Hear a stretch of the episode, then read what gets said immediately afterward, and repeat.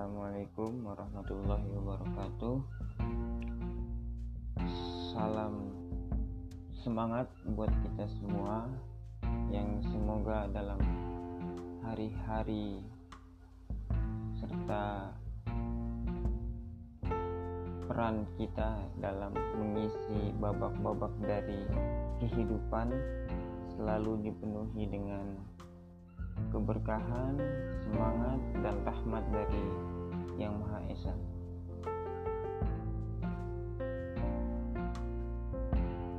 Ya, uh, jadi hari ini kita akan mulai membincangkan atau berbicara mengenai salah satu topik dari buku yang sebelumnya udah gue jelaskan yaitu the things you can see only when you slow down. Karya Haimin Sunim seorang biksu dari Buddha yang menganut ajaran atau aliran Zen. Salah satu filosofi dari kehidupan dan kekayaan kultural yang dimiliki oleh para penganut Buddha. Nah, di dunia ini sebuah pertanyaan karena memang di dalam keseharian kita ini selalu membutuhkan pertanyaan agar kita itu ingin bertindak dan bergerak. Dengan pertanyaan, kita jadi memiliki rasa atau keinginan untuk mencari tahu dan menemukan jawaban, ya kan? Nah, ya itulah salah satu mungkin fungsi dan tugas kehidupan, ya kan? Selalu mempertanyakan apa yang terjadi telah berlangsung dan yang sedang ter ataupun yang akan terjadi hmm. dan yang saat ini terjadi begitu loh ya sebagai suatu bentuk evaluasi diri ya kalau menurut gua. Dan tantangan tantangan ya bagi pribadi karena sebenarnya kan kita hidup ini kan selain belajar terus ya menyelesaikan tugas. Nah tugas itu tugas kehidupan ini apa gitu loh. Dan itu kita tanyakan dan itu juga kita cari jawabannya. Nah, dan tugas-tugas yang namanya tugas itu suatu tantangan gitu loh. Ketika lo dikasih soal atau ujian sama guru lo ya kan? Nah itu suatu tantangan buat lo bisa menyelesaikan ini nggak? Gitu kan? Kalau lo bisa menyelesaikan tugas ini atau ujian ini dengan nilai yang bagus dengan kualitas yang baik ya maka hasilnya juga akan seimbang gitu loh. Ya kan? Nah. Ya kenapa saya begitu sibuk? Kenapa nih? Ya kan? Terus di bawahnya juga diselipin pertanyaan kecil lagi yeah, when everything around me is moving so fast, I stop and ask. Wah, ketika kehidupan di sekitar atau di sekeliling kita ini bergerak begitu cepat, ya kan? Kita berhenti nih, ya kan? Gue berhenti nih, dan gue mempertanyakan, is it the world that's busy or is it my mind? ini beneran dunia yang begitu sibuk padat cepat atau cuma pikiran gue sih sebenarnya gitu ya kan dan dia itu ketika salah satu bagian dari subchapter ditulis selalu menyisipkan suatu cerita pendek mengenai dirinya yang menjadi latar belakang atau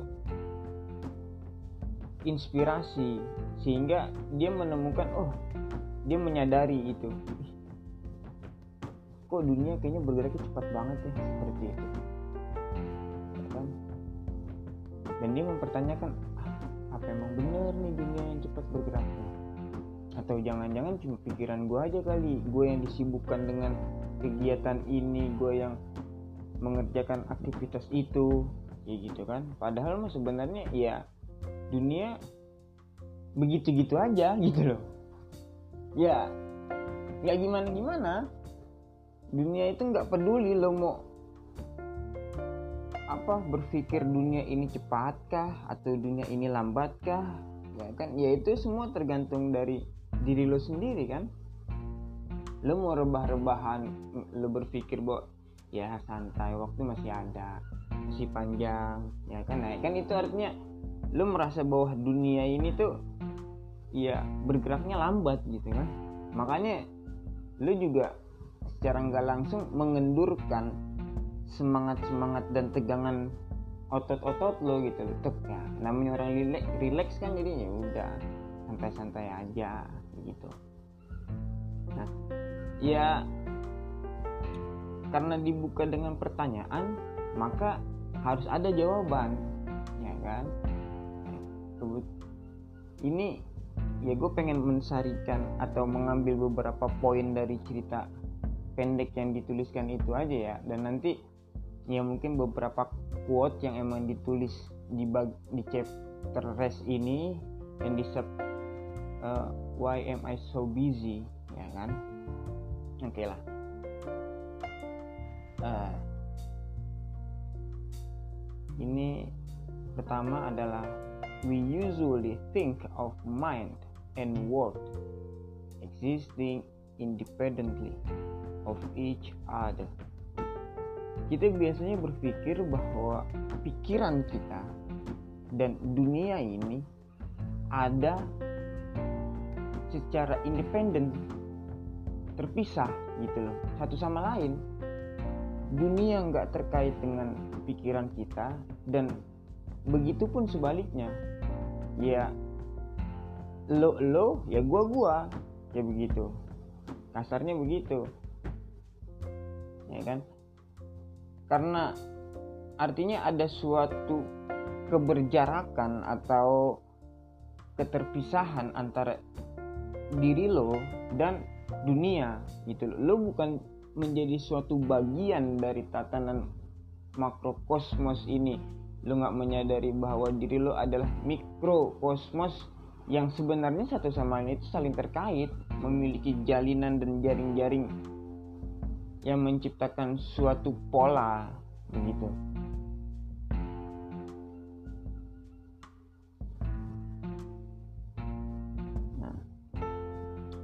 Terus we perceive a clear boundary between what goes on inside our minds and what happens in the outside world.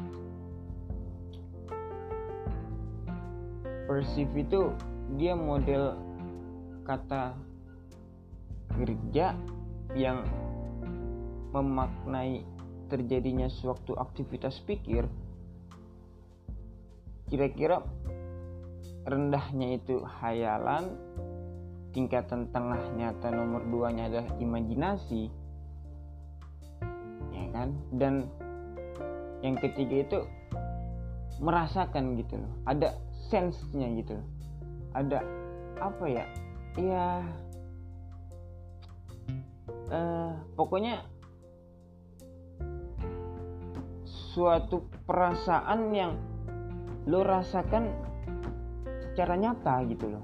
Itu kayak perceive itu maknanya itu begitu bukan cuma sekedar apa saya menggambarkan ya kan menggambarkan doang kan ya gimana ya kurang menjiwai lah. Nah kita itu membayangkan sebuah batas batas antara apa yang ada di dalam pikiran kita dan apa yang terjadi pada dunia luar secara clear, secara jernih gitu.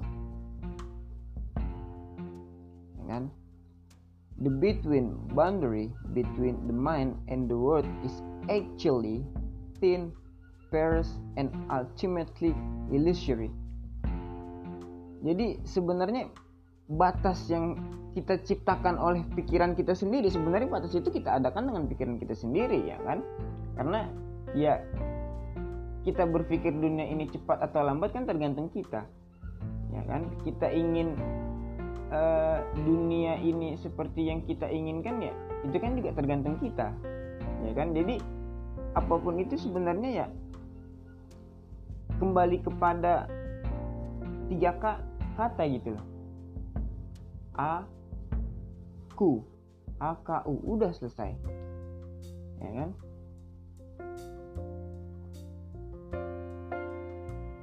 Di, dikatakan bahwa batas antara pikiran dan dunia itu sebenarnya itu ringkih ringkih rapuh dan ya pada nyatanya cuma ilusi gitu loh ilusi palsu.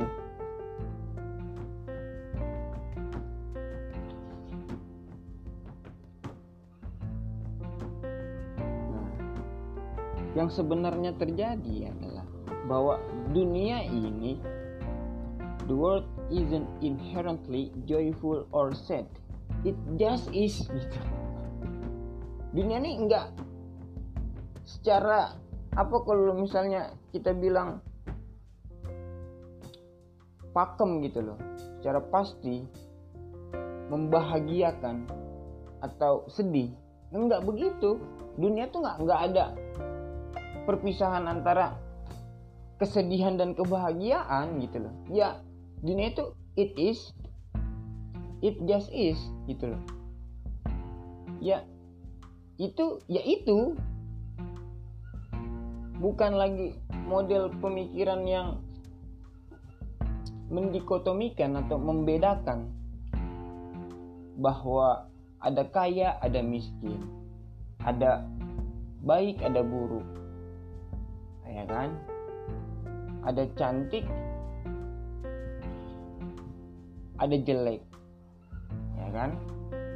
Ya, seolah-olah ada pemisahan secara nggak langsung gitu loh. Bahwa oh yang baik begini oh yang buruk begini. Padahal ya itu keduanya koeksisten gitu loh. Saling melengkapi satu gitu loh. Nggak kalau satu dong ya bukan kebahagiaan namanya kalau nggak ada kesedihan. Gitu juga. Lo sedih artinya ada kebahagiaan gitu loh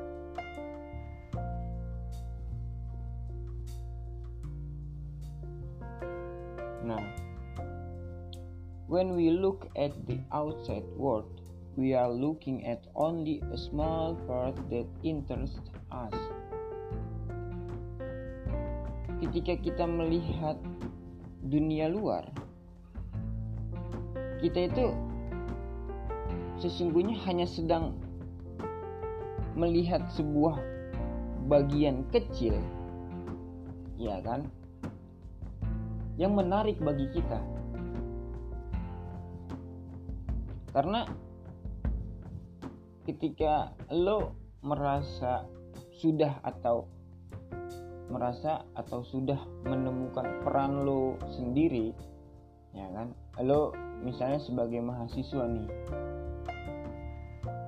Dan sebelum lo jadi mahasiswa, lo pasti pernah berpikir mahasiswa yang baik menurut gue seperti ini ya kan lu punya gambaran tuh bukan pikiran mahasiswa yang apa ya? Yang buruk. Pasti yang muncul pertama itu yang baik. Ya kan? Lo nggak mungkin mikir-mikir yang aneh lah. Ya lah. Bego juga ya kan orang. Masa mikirin untuk dirinya sendiri yang jelek gitu loh. Nah. Biasanya orang banyak sebut hal itu dengan istilah idealisme. Idealisme suatu dia misalnya kita kan isme itu kan menandakan suatu aliran pemikirannya kan. Nah kalau idenya itu sendiri uh, adalah model suatu cita-cita cita-cita yang diharapkan diinginkan diusahakan diperjuangkan. Begitu loh. Ide itu. Suatu cita-cita yang diinginkan diusahakan dan diperjuangkan. Nah karena kita sudah membayangkan bahwa ma sebagai mahasiswa yang baik itu adalah mahasiswa yang aktif berorganisasi, rajin membaca buku, mampu melakukan diskusi, ya kan? Ya, kita mencoba untuk menjadi seperti itu gitu loh. Dengan cara ya masuk ke organisasi yang sesuai dengan passion kita keinginan kita. Lalu membaca ya buku yang sesuai dengan apa yang kita pelajari saat itu gitu loh. Lo belajar ilmu ekonomi sosiologi politik atau kehutanan biologi ya kan? Nah lo aktif berdiskusi membincangkan tentang hal itu ya kan? Ya maka ketika lo udah tahu ini keinginan lo ini yang harus cara lo menjadi ini tuh salurannya ini lo jadi itu masuk organisasi ya lo beli beli buku cari referensi ya kan ya terus lo ajak temen berbincang atau berbicara ya kan itu nanti kan dari hal kecil seperti itu lama-lama lo akan ya menjadi seseorang yang memang ada di pikiran lo atau lo idekan gitu loh. Nah, dan hal itulah yang menjadi yang me, me, menjadikan kita tertarik terhadap dunia. Nah,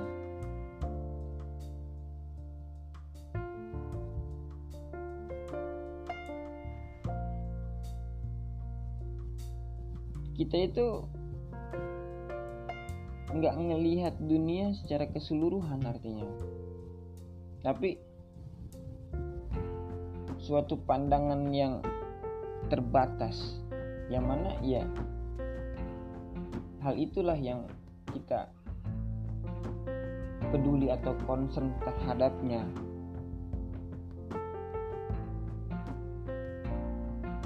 our reality is not the infinitely stretching cosmos, but the small part we choose to focus on.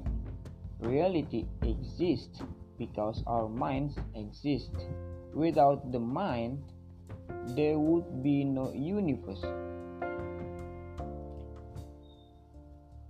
Kenyataan itu, kenyataan kita, kenyataan kita itu bukan suatu kosmos atau alam semesta ya kan alam semesta tapi dia terkait juga dengan jaringan-jaringan di dalam alam semesta itu makanya disebut itu enggak mereng, merenggang gitu loh luas merenggang kan. Artinya merenggang bertambah bertambah bertambah luas. Tapi cuma bagian kecil yang kita pilih untuk berfokus kepadanya. Kenyataan ada. Ya karena pikiran kita itu ada. Ya kan? Kalau katanya Descartes cogito ergo sum. Aku berpikir ya maka aku ada. Gitu loh. Makanya ya kadang kalau gue sebagai seorang yang menganut agama Islam itu kan diajarkan untuk berpikir ya kan? Allah berfirman ya kan? Ya kayak ketika di ujung atau di akhir ayatnya itu biasanya afala takilun afala tatafakkarun ya ulil albab ya kan model-model yang begitu. Apakah kamu tidak ber memikirkannya? Apakah kamu tidak melihat perumpamaannya? Jadi begitu loh. Apakah kamu tidak merenungkannya tentang segala sesuatu yang ada di alam semesta. Begitu ya dan pikiran itu juga menjadi suatu kunci dan fitrah kita hakikat sebagai manusia yang memberikan suatu kesadaran terhadap kita. Karena kalau kita nggak ada pikiran ya uh, contoh orang tidur nih ya kan? Ya orang tidur nggak bisa disalahin gitu loh. Ya nggak ada pikirannya ya kan? Misalnya lu lagi tidur nih ya berdua atau bertiga kan sama keluarga atau sama sahabat. Terus ada temen lo yang iseng emang kalau bukan iseng sih maksudnya kebiasaan dia kalau tidur emang nggak bisa diem gitu loh. Kanan kiri kanan kiri ya kan? Udah gitu tangannya maunya lebar lagi kebuka nah udah gak enak banget deh tuh ya kan? Dan ada juga orang yang biasa tidur gini ngegremet kalau bagi orang yang ya ngilu-ngiluan tuh bulu kuduknya biasanya merinding tuh ya kan? Nah jadi ketika seorang manusia ini tidur berarti dia dalam keadaan tidak sadar maka nggak ada hukum yang berlaku baginya sebenarnya ya, ya kan? Ya apaan yang mau diberlakuin? Ya kan? Dia berbuat baik kagak buruk juga kagak kasarnya gitu. Udah begitu aja. Ya kan? Nggak jelas. Diem aja diem aja ngapain nih doang padahal udah syukur-syukur kita doang kita sebagai manusia maksudnya. Ya yang ketika mati itu diberikan julukan mayat jenazah ya kan? Atau almarhum. Kalau yang lain bangke.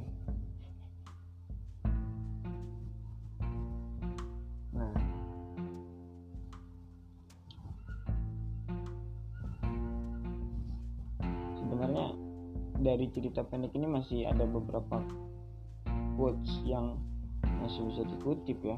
Ya lebih 5 atau 7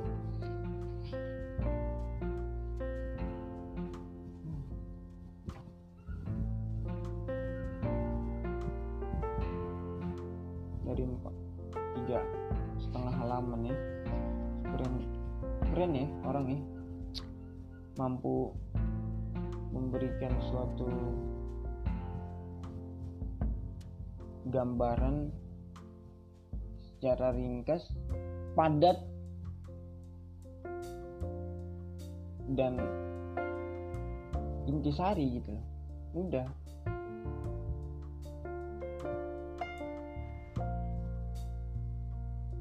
Nah masih di cerita pendek ini ada salah satu quote yang mungkin sebagai penutup juga ya kan karena udah terlalu lama ini